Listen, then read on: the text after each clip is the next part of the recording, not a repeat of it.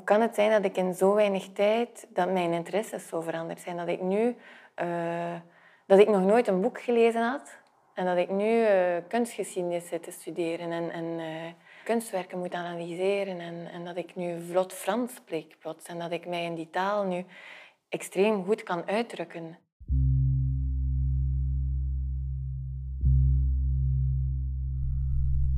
Iedere kunstenaar koestert wel een werk dat diegene nooit heeft kunnen maken. Misschien vanwege een gebrek aan geld en tijd.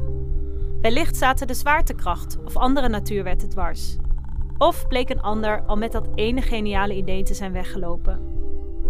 In deze podcast gaan Maurits de Bruin en ik, Lineke Hulshoff, met kunstenaars in gesprek over kunstwerken die het daglicht nooit hebben gezien. En over de betekenis van succes versus falen. Je luistert naar een productie van De Brakke Grond en Mr. Motley. Dit is Kan niet bestaat niet.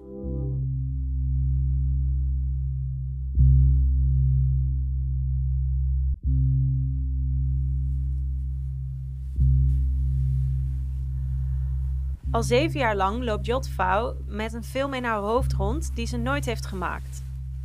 Het zou een erotische, panseksuele film moeten worden die zich afspeelt in een kamer. Alle meubels in die kamer zou Jot zelf maken van hout, waarin ze tekeningen zou graveren. De verschillende acteurs in de film zouden vrijen op de meubels, zodat de kervingen in de meubels een afdruk zouden achterlaten in de seksende lichamen. Een afdruk die na een tijdje weer zou verdwijnen. Het werk zou een enorme som geld kosten. En het is nou net moeilijk voor Jot om kunst te organiseren rondom kapitaal. En kan het überhaupt grote sommen geld aanvragen voor een pornografisch kunstproject?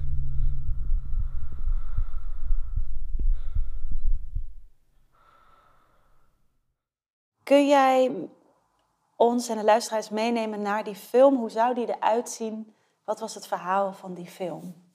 Um, het is een uh, film waarin ik wou dat absoluut elk object elk kledingstuk, elke um, uh, materie, elk meubel een kunstwerk op zich zou zijn. En um, het gebeurt allemaal in één ruimte. En ik zag er uh, vooral één centraal bed en uh, nog een, een, bank en een, een, paar stoelen of zo.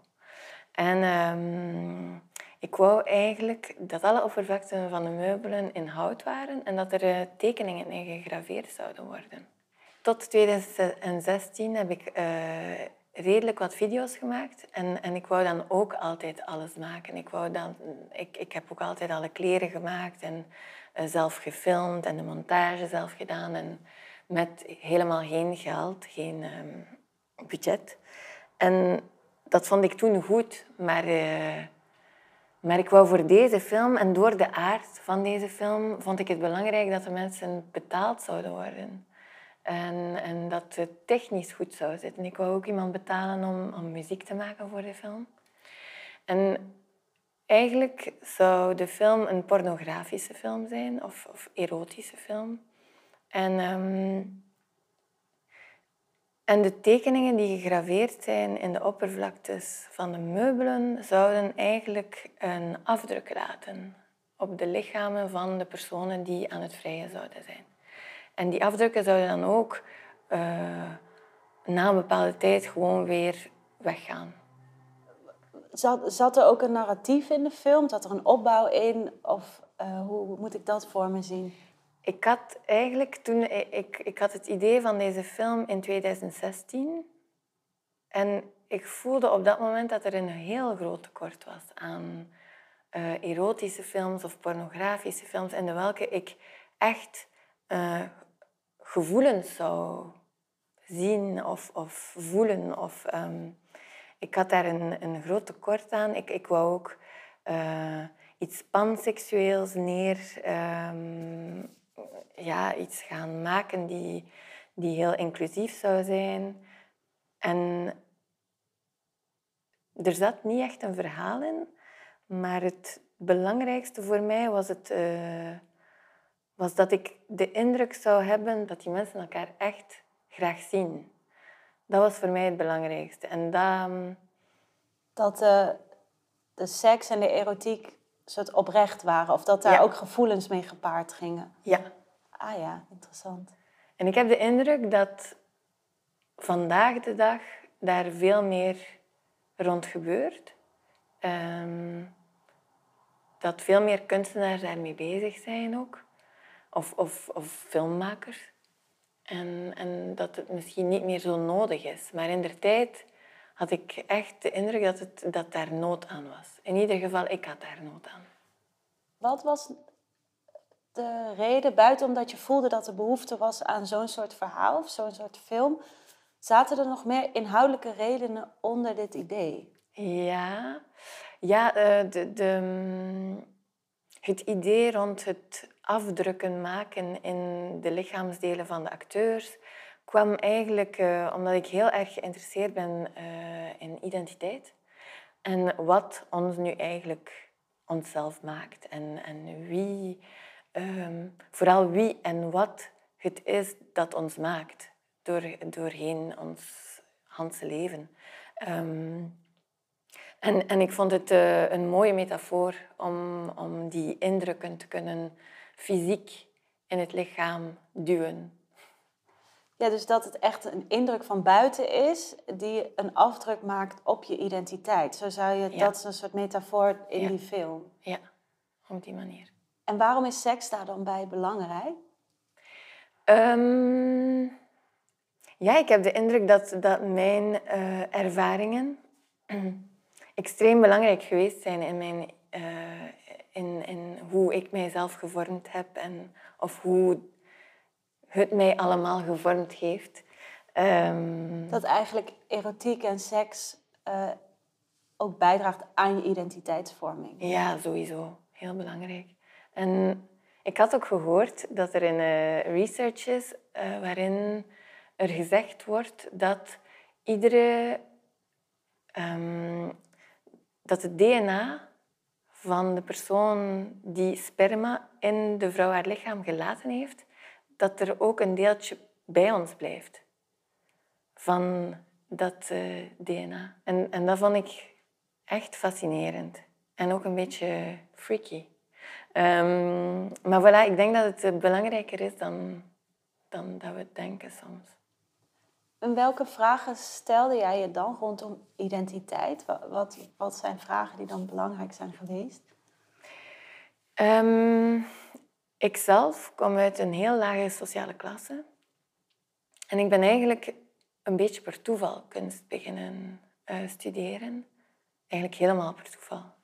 En ik ben helemaal per toeval en against all odds kunstenaar geworden. En ehm, toen ik een jaar of drie kunst maakte, dan in school eigenlijk al, in in het vierde jaar van, van de kunstschool, ben ik mij echt beginnen afvragen, maar hoe kan het zijn dat ik in zo weinig tijd, dat mijn interesses zo veranderd zijn, dat ik nu, eh, dat ik nog nooit een boek gelezen had en dat ik nu eh, kunstgeschiedenis zit te studeren en, en, eh, ehm, en kunstwerken moet analyseren en, en dat ik nu vlot Frans spreek plots en dat ik mij in die taal nu extreem goed kan uitdrukken. Ehm, En En misschien heb- anders bent gaan kleden en aan andere plekken bezoekt. En En, en die, die, dat leerproces van dat Frans en van dat kunst moeten gaan leren plots, is zodanig compleet en complex geweest dat ik, ehm, dat ik een soort van hergeboorte gedaan heb met een soort van nieuwe moedertaal. En, en, en, dus ik ben mij echt gaan afvragen, wat is identiteit nu eigenlijk? Wat is dat nu eh, eh, tot eh, welk punt is het exterieure factoren, socio-economische, politieke factoren die ervoor zorgen dat ik ben wie ik ben en, en tot welk punt kan mijn, mijn eigen wil eigenlijk ervoor zorgen dat ik iemand anders word. En kan ik dan eigenlijk echt alles worden wat ik wil? Ehm, het was heel raar, een heel rare periode. Dan ben ik beginnen eh, auto, au- eh, fictionele autoportretten maken. En de eerste heette Veronica Akkerveld. En eh, ik stelde mezelf voor als een Zweedse trapezekunstenaar. die in een circus ehm, werkte. En, en dat stelde echt al die vragen van hoe ben ik hier terechtgekomen en wat is talent en... Ehm, en wie ben ik? En is het gevormd door, de, door iets in mijzelf of is het alleen maar buitenwereld en context? Ja. ja, want bijvoorbeeld Veronica Akkerveld vertelt dat haar mama haar op haar zesde in een, uh, in een uh, soort van kunstschool steekt uh, met een, met een, een deeltje circuskunst. En, en dus op haar twaalfde zegt haar lerares dat ze een natural born talent is. En het gaat over dat soort um, dingen die we ook te horen krijgen in ons leven. Wie, wie pusht ons in bepaalde richtingen? En, uh, toen ik 18 was, werd ik in die kunstschool gepusht door iemand die ik leerde kennen. En ik heb het gedaan voor haar, omdat ze, mij, omdat ze het niet wou loslaten. Zij geloofde er echt uh, rotshard in. En ik heb dan maar gezegd, oké okay, Magali, ik doe het voor jou. Je uh, las mij net een heel mooi citaat voor wat belangrijk is geweest en wat onder, die film, onder dat filmplan ligt. Kun je dat misschien even met ons delen en ook vertellen waarom dat uh, belangrijk was? Ja, dus uh, inderdaad, het citaat is van Le Comité Invisible, die een groep Franse mensen zijn die um, heel politieke boeken schrijven. En dit is het boek um, L'Insurrection qui vient die in 2007 geschreven is. En het is ook vertaald in het Engels naar The Coming Insurrection. En dit citaat was uh, belangrijk in aanloop voor dat filmplan. Ja, ja, zeker. Dus het begint, ik heb het in het Nederlands zelf vertaald. Um, wie ik ben, van kinds af aan gevoed door melkstromen, geuren, verhalen, geluiden, genegenheid, kinderliedjes, substanties, gebaren, ideeën, indrukken, blikken en eten. Wie ben ik aan alle kanten verbonden met plaatsen, zorgen, voorouders, vrienden, liefdes, gebeurtenissen, talen, herinneringen, met allerlei zaken die duidelijk niet ik zijn. Alles wat mij aan de wereld bindt, alle schakels die mij vormen, alle krachten die mij bevolken, weven geen identiteit die mij wordt aangemoedigd uit te stellen, maar een bestaan, uniek, gemeenschappelijk, levend, en waaruit nu en dan het wezen dat ik zegt uit de voorschijn komt. Ons gevoel van inconsistentie is het gevolg van het geloof in de duurzaamheid van het ego en van de bitter weinige zorg die we besteden aan alles wat ons maakt. Mooi. Waarom, wat eh, raakt je in dat stuk of waarom is het belangrijk? Ik denk dat ik heel vroeg in mijn leven heel bewust geweest ben van hoe de mensen rondom mij mij beïnvloeden. Mijn heel goede, goede vrienden. Um, ik ben altijd heel uh, geraakt geweest door de mensen rond mij. Um, ik zag altijd heel veel kwaliteiten in mensen rond mij. En ik heb, altijd heel, ik heb mij altijd heel erg geconcentreerd op de kwaliteiten van de personen die ik graag zag. En, en, en ik wou die dan ook eigen maken. Ik wou... Uh, zelf ook die kwaliteiten hebben die ik op zich misschien niet had. En um, ja, ik, ik, ben, ik heb heel veel verschillende talen geleerd. En ook heel veel gegroeid doorheen die talen, doorheen alle mensen die mij die talen geleerd hebben. En als ik boeken lees die daar dan de vinger op plaatsen, die dan heel concrete woorden uh, op, die, op die gevoelens plaatsen, ja, dan is dat heel, ehm, heel belangrijk geweest voor mij. Ook omdat ik net tot mijn achttiende echt totaal niet gelezen heb. En ik had ook de indruk dat ik alles moest inhalen. Ik heb, uh, toen ik in de kunstschool zat, iedere avond een, een film, een auteursfilm bekeken. Omdat ik de indruk had dat ik alles moest inhalen. Dat je achterliep eigenlijk? Ja, echt. 18 jaar achterlopen.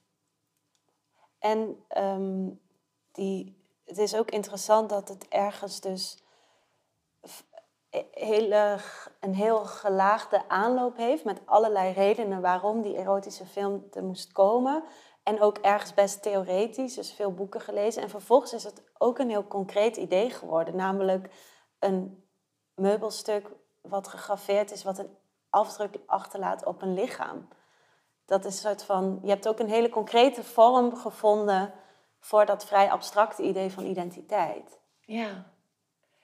Ja, ja, inderdaad. En het grappige is dat ik uh, op dit moment een expo heb in de welke dat ik banken gemaakt heb. Um, nog geen bed. Maar ik heb banken gemaakt in de welke ik wou dus eigenlijk zou graveren. Dus ik wou het idee echt waarmaken. En dat de mensen die in de expo zouden komen en zich gewoon zouden kunnen neerzetten en zich laten... Um... Ja, misschien ontspannen en als je dan opstaat, blijkbaar toch dat het invloed heeft gehad op het leven. Ja, en er waren ook inderdaad delen van de banken die kussens hadden en andere niet. Dus je kon ook echt kiezen welke... Um in, welke mate je wou laten beïnvloeden door de bank. Maar ik ben er niet in geslaagd. Nee, want dat was mijn volgende vraag. Want het is, ja, ik vind het een fascinerend idee. En, en ook wel heel boeiend aan die film dat daar dat hele erotische en seksuele aspect in zat, in dat plan. Maar deze podcast gaat over werken die er niet zijn. En het, de film is er ook niet gekomen. Dus misschien kun je daar iets meer over vertellen? Wat is daar de reden van? De reden is eigenlijk uh, financieel. En um, ik, ik wou het goed doen en ik wou dat iedereen zich er goed bij voelde. En ik wou dus iedereen betalen. Ik wou ook dat de montage goed was, dat het geluid goed was. En, en daar is nu eenmaal heel veel geld voor nodig. Ik ben ook niet iemand die graag subsidies aanvraagt. Um, ik ben toch begonnen na een paar jaar, dus waarschijnlijk in 2019 of zo, ben ik dan begonnen toch met een dossier maken. En het voelde niet goed. Het voelde... Ik dacht, ja, dan krijg ik die subsidies binnen een paar maanden. Of misschien ook helemaal niet. En dan ben ik afhankelijk daarvan. En, ehm, en het neemt allemaal veel te veel tijd. En ehm, nee, ik, ik had de indruk dat... Ehm, dat er ook beoordeeld zou worden misschien. Dat, het een, dat een pornografisch project uh, totaal geen plaats zou hebben in de subsidies die de Vlaamse overheid zou willen uitdelen. En. Bedoel je dat echt die structuur van uh, subsidie aanvragen, dat dat indruist tegen de inhoud van dat project? Ik weet het eigenlijk niet. Maar ik, ik had er... Eh, ik, ik was bang dat dat zo, zo zou zijn. Ik, ik had ook nog nooit een subsidie aangevraagd. Eh, ik ben ook niet echt bekend in Vlaanderen. Um, zelfs dat ben ik Vlaming. Maar ik denk dat dat dan komt doordat ik mijn studies gedaan heb in, in het zuiden van Frankrijk. Ik, ik ben veel meer zichtbaar in Brussel en in het Franstalige deel van België. En in Frankrijk. Um, maar... Uh, ik ben niet echt bekend in Vlaanderen en ik had moeite met het idee dat ik zou de deur invallen met een, een pornografisch project en dat dat zo zou beoordeeld worden. het voelde gewoon niet goed aan uiteindelijk. En, en ik voel mij ook helemaal niet. Ik voel mij gewoon veel vrijer als ik ehm, de dingen zonder middelen kan doen. Uh, ik heb nood aan een soort van instinctieve insteek aan, een, uh, aan iets heel snels. Ik werk met heel veel urgentie. Heel veel intuïtie, heel veel um, urgentie. En ik had nood aan, aan het onmiddellijk maken van dingen. En het was ook niet het enige project die in mijn hoofd zat. Dus ik, ik heb het zomaar wat laten varen, denk ik. Om, omdat het niet leek op mijn manier van werken. Maar ook interessant dat je zegt dat je bang was dat het als pornografisch project beoordeeld zou worden. Terwijl nu we het er zo over hebben, voelt het voor mij niet echt per se als porno. Het, is ook een soort, uh, veel meer dan dat. Het lijkt alsof erotiek gewoon de context is. Oh, hoe kan het dan toch dat het voor jou voelt als porno of pornografisch project? Misschien oordeel ik gewoon mezelf of zo. En, en, en misschien. Uh, je bedoelt te zeggen dat je misschien die ogen van die uh, commissie dan voelt of zo. Van, oh, ze zouden wel dit denken. Of dit zou wel niet passen. Erg, hè? Ja, ik vind het wel erg met, uh, nu, nu ik het zo terug over denk. Um, misschien was ik bang dat ik er zoveel energie zou insteken en dat het zomaar zou afgeschreven worden als iets, uh, um, als iets pornografisch of, of iets die, die niet interessant zou zijn. En, en, dat ik dan toch het geld niet zou krijgen. En ik heb er eigenlijk... Uh, voor mij was de uh, oplossing om er een fotografisch project van te maken. Want ik had een computer, ik had alles om uh, foto's te maken, een goed fototoestel. En vrienden die zich ook dezelfde vragen stellen als ik over wat, um, wat wordt er nu eigenlijk depicted de dag van vandaag. Um, hoe wordt het lichaam gezien? Wat is mannelijkheid, vrouwelijkheid? Um, identiteit daarin. en dan ben ik gewoon beginnen foto's nemen. Ik ben ook beginnen uh, kleren maken voor iedere fotoshoot.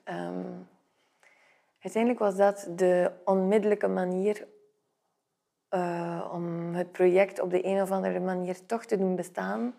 Maar natuurlijk waren al die, was het hoofdidee er niet. Het hoofdidee dat van het indrukken nalaten.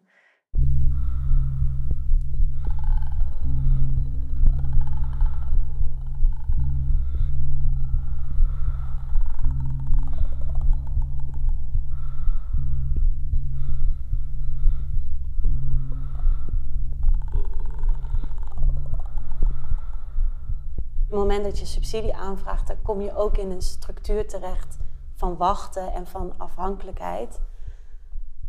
Hoe doe jij dat in je, überhaupt in jouw praktijk dan als je zegt dat dat dossier aanvragen en subsidie, dat, dat past eigenlijk niet bij mij. Maar hoe zorg je dan dat je wel kan bestaan als kunstenaar en werk kan maken?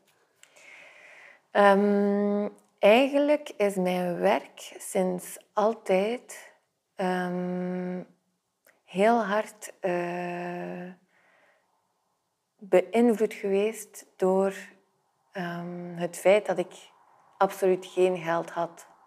En het is georganiseerd geweest rondom het idee van soberheid. Uh, rondom het idee van um, een soort van economie van middelen. En dat uh, um, werkte met uh, restjes. Resten van hout van iemand anders, uh, oude kleren die iemand niet meer wou. Uh, zo ben ik ook bij stof en leder terechtgekomen. Um, het was overal, het was helemaal niet duur. Ik kon naar een tweedehandswinkel gaan en een jas kopen voor 2 euro in leder. En dan had ik superveel leder. Um, en ik... Um, ik maakte dingen uit oud plastic of... Um...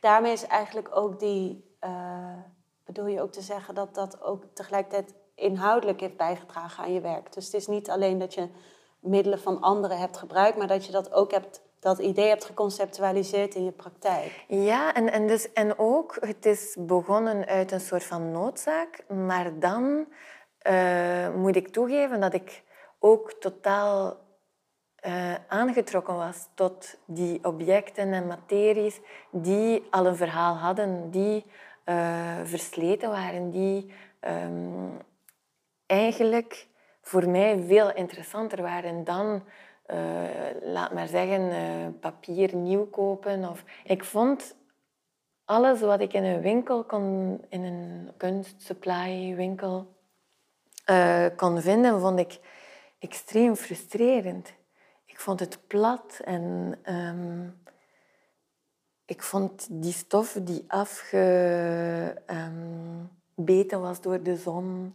waarvan de kleur hier en daar weg was, uh, waarvan er hier en daar wat gaatjes waren, vond ik veel um, interessanter en, en, en rijker.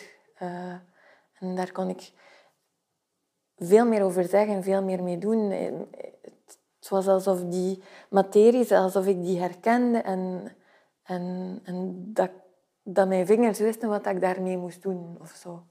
Je vertelde net dat je de keuze voor dat materiaal voortkwam uit noodzaak en dat je ook arm was. Bedoel je daarmee ook te zeggen, reflecterend op je jeugd? Dus meer zo van inhoudelijk eh, naar vroeger refererend? Of is dit gewoon toen je van de academie afkwam en zoiets had van... oké, ik kan niks betalen, dus ik ga naar tweedehands? Uh, beide. Uh, ja, ik heb altijd in armoede geleefd. Altijd um, met heel weinig geleefd. En, um, en ik, ik ging ook niet studeren, omdat daar geen geld voor was. En dus ik ben gaan studeren en ik heb ook parttime gewerkt. Maar dat was net genoeg om mijn huur te betalen en, en net te kunnen leven. En, en inderdaad, in het eerste, eerste jaar van de kunstschool moesten we dan schilderen en zo. En dan moest ik verf gaan kopen. En dat was eigenlijk heel moeilijk voor mij. En dus vanaf het tweede jaar ben ik dan gaan zoeken wat de oplossingen voor mij konden zijn. Maar inderdaad, mijn werk is ook heel autobiografisch. Dat bedoel ik. Er zit ook een autobiografisch aspect dus in die keuze voor soberheid misschien. Ja, sowieso. Um, en ik was ook heel... Ik ben altijd heel geïnteresseerd geweest in, in alles wat dat, um, het huiselijke was. Het, um, daarmee ook dat die film zich in één ruimte zou uh, bespelen met meubelen, met uh, textiel hier en daar, met... Uh, kledij die zou gemaakt zijn voor de personages. Dat huiselijke en al die rituelen daar rond zijn, maken deel uit van mijn kerninvloeden. dus dan begrijp ik ook nog beter dat zoiets als subsidie en die afhankelijkheid van subsidie misschien daar ook niet goed in past en dus ook vertraagt. Um, en je toen vroeg ik jou van hoe doe je dat dan eigenlijk? En uh, nou ja, je praktijk kost dus in zekere zin weinig geld, want je materialen zijn uh, bijna gratis of in ieder geval goedkoop. Tegelijkertijd moet je ook nog leven als kunstenaar. Heb je dan altijd een baan ernaast gehad of hoe richt jij je praktijk in? Ik heb heel lang een baan gehad, of meerdere banen gehad daarnaast. En sinds vorig jaar oktober heb ik het kunstenaarsstatuut. In België heb je um, een soort van um, werkloosheidsuitkering voor kunstenaars. Het heet het kunstenaarsstatuut. En um, om het te bekomen moet je een zeker aantal dagen uh, kunst gemaakt hebben. Het zorgt ervoor dat je als kunstenaar uh, de maanden dat je zelf niks verdient met je kunst, eigenlijk je uitkering krijgt het zorgt ervoor dat, dat je als kunstenaar eigenlijk veel meer geëngageerd kan zijn in je eigen praktijk en dat je echt vooruit kan. Ik denk dat ik zo een, een tien, tien jaren lang helemaal nooit gedacht heb dat ik geld moest verdienen met kunst. Voor mij zat er een vrijheid in het feit dat ik geld verdiende met, met werk, met een alimentair werk. En, um, en kunst was mijn absolute vrijheid. En, en, um... Daarvoor was eigenlijk die, dat, uh, dat daar geen kapitaal in omging en geen, dat zorgde voor vrijheid voor jou. Voor een idee van, oké, hier is helemaal geld, speelt geen enkele rol. Exact. Dat is voor iets daarbuiten. Dit is gewoon mijn well-being, um, mijn overleven eigenlijk. En tijdens COVID uh, ik had eigenlijk net een vast contract getekend voor COVID. Dus ik had wel uh, mijn, um, het geld van mijn werk, die, mijn salaris, die bleef binnenkomen. Maar op dat moment is alles zo'n beetje in het honderd gaan lopen. En, en ben ik ook een therapie begonnen en, en is het voor mij eigenlijk allemaal veranderd. Uh, voor mij werd het dan plots de normaalste zaak van de wereld dat ik geld kon verdienen met hetgeen waar ik dag in, dag uit mee bezig was. En, um, en toen dacht ik, eigenlijk is dat kunstenaarsstatuut. Um, als ik het niet heb, wie moet dat kunstenaarsstatuut dan hebben eigenlijk? Het is eigenlijk echt voor het soort mensen als ik gemaakt. En dan ben ik eigenlijk beginnen met alles doen om het te kunnen um, bekomen. En dan heb ik uh, een jaar lang eigenlijk al mijn uh, salarissen die met van expo's en al het werk dat ik verkocht uh, eigenlijk gaan verzamelen. En is het gelukt Maar ik dacht niet dat het mogelijk was voor COVID. Maar het is een soort van mindset die verandert. Ja, en dus ook, het heeft er misschien ook mee te maken dat op het moment dat je dus wel zoiets hebt van wat ik doe in mijn kunstenaarschap, dat is ook werk, daar is ook geld voor nodig. Heeft ook te maken met jezelf serieuzer nemen misschien. Inderdaad. Tijdens COVID had ik mijn salaris, maar mocht ik iedere dag van de week naar mijn atelier gaan werken. En ik heb gemerkt hoe in een paar maanden tijd mijn praktijk zo snel geëvolueerd heeft. En dan dacht ik, oh shit, eigenlijk is het een noodzaak, dat kunstenaarsstatuut. Eigenlijk kan ik daar niet meer zonder. En um, ik had ook meer en meer expos en het was eigenlijk totaal onmogelijk geworden om nog te, te werken naast mijn praktijk.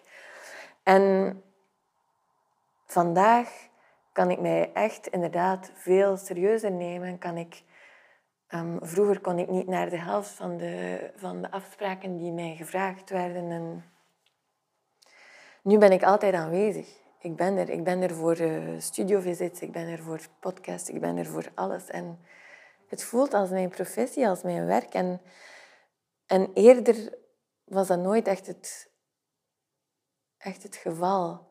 Maar het is moeilijk geweest. Net toen ik het uh, kunstenaarsstatuut kreeg, ik had er zo hard voor gewerkt. En tegelijkertijd is het zo moeilijk om dan dat geld te krijgen, omdat mijn moeder bijvoorbeeld een poetsvrouw is. En al heel haar leven poetst. En nu nog altijd poetst. En ze is 60 jaar oud. En, en ik voelde het als een heel lastig privilege aan de eerste maanden. Hoe, hoe, kan, je daar, hoe kan je dat eer aan doen? En, en hoe verhoudt zich dat ook tot iemand uh, die schoonmaakt bijvoorbeeld, ja, die dat niet krijgt? eigenlijk. En, en ik zou zo graag hebben... Ik, ik, ik denk al tien, tien jaar na over dat universeel salaris, dat iedereen zou moeten krijgen, dat universeel inkomen. Maar misschien heeft het er ook mee te maken wat je vertelde als je kijkt naar je eigen jeugd en je opvoeding, waarin dus geld niet vanzelfsprekend was en nu vanuit de overheid je uh, bekostigd wordt, dat je daar gewoon ongemakkelijk bij voelt. Ja, ja, ja dat, dat is zeker zo. Maar ik denk, in mijn geval is het toch zo, uh, en ik denk in het geval van heel veel andere kunstenaars, dat je daar zo hard door gaat werken. Ja, daarvoor zat ik gewoon altijd te rennen. Ik was altijd aan het rennen. Hoe, um, ja, hoe werk jij als kunstenaar? En wat is belangrijk voor jou om goed werk te kunnen maken? Wat zijn de voorwaarden daarvoor? Tijd. Heel veel tijd. Mijn werk vraagt een heel specifieke um, relatie tot tijd. Uh, ik heb al de tijd nodig om, om dingen te verzamelen. Um, want soms heb ik elementen die al jaren in mijn atelier liggen. En dan vind ik een ander element. En heeft dat element die daar al jaren ligt, plots zin. En, en en dan maak ik een assemblage van verschillende kleurenstoffen ook, die daar ook al jaren lagen of veel te lang. En, um, dus die notie van tijd bestaat al en, en dan, en dan duurt het ook heel lang om dingen te maken. Uh, ik uh, naai heel veel met de hand en ja, soms zit ik echt dagen aan één, één werk. En eigenlijk eigenlijk word ik heel snel dingen beu. En ik werk altijd um, uh, op vier, vijf stukken tegelijkertijd, omdat ik heel snel vastzit. Omdat ik dan denk, ah, dit is te veel, het wordt me te veel. Dus ik, ik begin dan met iets anders en dan wordt me dat weer te veel. En dan begin ik weer iets anders en dan kom ik terug naar het eerste. En, ik zit altijd te, zit te, jongleren zo, tussen heel veel verschillende dingen. Omdat het net allemaal zoveel tijd en energie neemt, dat ik zoveel uh, nood heb aan... Ik heb nood aan het wisselen tussen de verschillende dingen. Ja, dus er zit veel in, tijd in jouw praktijk in het maken zelf en in, in het zijn in het atelier. Ja. Je hebt dus minder tijd nodig om naar buiten te gaan of om uh, bijvoorbeeld openingen langs te gaan, eh, te netwerken, jezelf te presenteren. Neemt dat ook een soort tijd in beslag in je praktijk? Ik moet toegeven dat ik heel weinig tijd steek in netwerken en uh, andere mensen op te zoeken. Veel te weinig. Maar um, ja, ik ben heel introvert en het is voor mij. Ik weet het eigenlijk niet goed. Ik, ik denk dat als ik dan ga naar openingen, dan blijf ik daar een uur en moet ik terug naar huis, moet ik terug naar eh, mezelf. Het neemt me heel veel energie om uh, omringd te zijn door veel mensen. En ik moet alleen kunnen zijn, heel veel tijd alleen kunnen doorbrengen. En...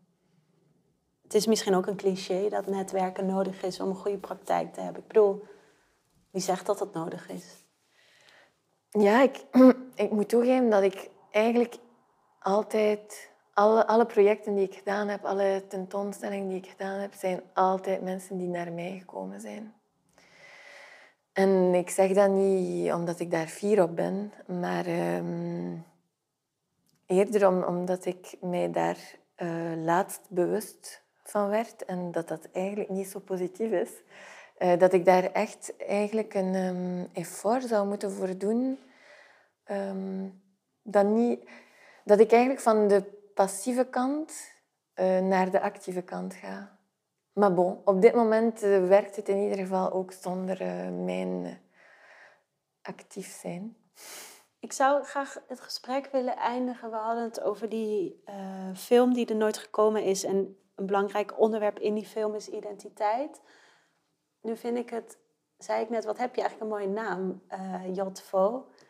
En toen vertelde je dat die naam ook te maken heeft eigenlijk met identiteit, specifiek. Ja, Jotvo is um, mijn given name. Ik heb, het, ik heb mijzelf die naam geschonken. Um, mijn geboortenaam, uh, de initialen van mijn geboortenaam zijn J en V. En um, ik wou heel graag een naam die uh, helemaal neutraal was, die niet gelinkt zou zijn aan een territorium, niet gelinkt zou zijn aan een uh, familie, niet gelinkt zou zijn aan een geslacht, die eigenlijk helemaal op zijn eentje daar zou staan. En um, ik had een Duitse vriendin en uh, ik hoorde haar vouw, het woord vouw zeggen toen ik zei, ik vroeg me af wat het was en, en, en ze had het eigenlijk over de letter V. Dus toen had ik door dat de letter V in het Duits vouw uitgesproken was. En dan, dan, vroeg ik haar wat dat de letter J zou zijn, want ik was echt actief op zoek naar die nieuwe naam, uh, een jaar of tien geleden ook. En dan zei ze J. En ik dacht, J, vouw. Weird. Huh, ik, ik vind het wel heel juist eigenlijk. En, en, en het voelde zo juist aan. En um, dan heb ik een paar jaar eigenlijk alles wat kunst was, was JV. En in mijn privéleven bleven de mensen mij met mijn geboortenaam noemen. Maar dan, na een paar jaar, werkte dat niet meer voor mij. Het voelde echt niet meer goed aan. En um, ik had zelfs een soort van fysieke reactie op die geboortenaam. En dan heb ik gevraagd aan iedereen of, of, of mensen mij Jot konden noemen. En, en het heeft lang geduurd. Het is niet makkelijk om van naam te veranderen. Misschien de dag van vandaag meer, omdat ik de indruk heb dat het meer en meer gebeurt ook. Maar um, ja. Het is een mooie anekdote, of noem ik het anekdote, maar in ieder geval draagt het ook heel erg weer bij aan dat idee van wat is identiteit en is het iets wat in jezelf zit of kan je het, die identiteit ook maken of met je omgeving maken en wat is van buiten en wat is van binnen. Volgens mij is Jotvo wel een mooie uitkomst op die vraag. Ja. ja, ik vind het ook.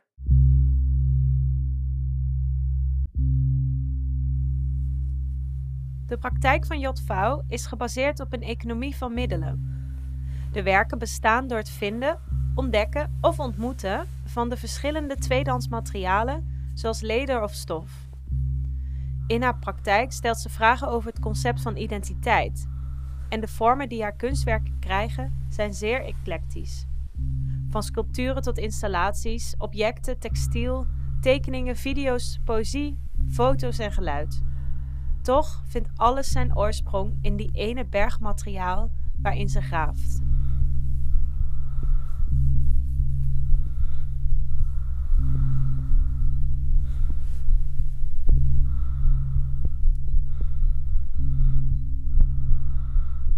Kan niet bestaat niet is een productie van Vlaams Cultuurhuis De Brakke Grond en Mr. Motley. Deze aflevering werd gepresenteerd door mij, Lineke Hulshoff. De edit en het sounddesign zijn afkomstig van Marie de Broek. Deze aflevering had niet gemaakt kunnen worden zonder Maurits de Bruin, Sophie Dochterom, Laure van den Hout en Wimke Dekker. De vormgeving is afkomstig van Noemi Biro. Kan niet bestaat niet kwam tot stand met steun van het Mondriaan Fonds.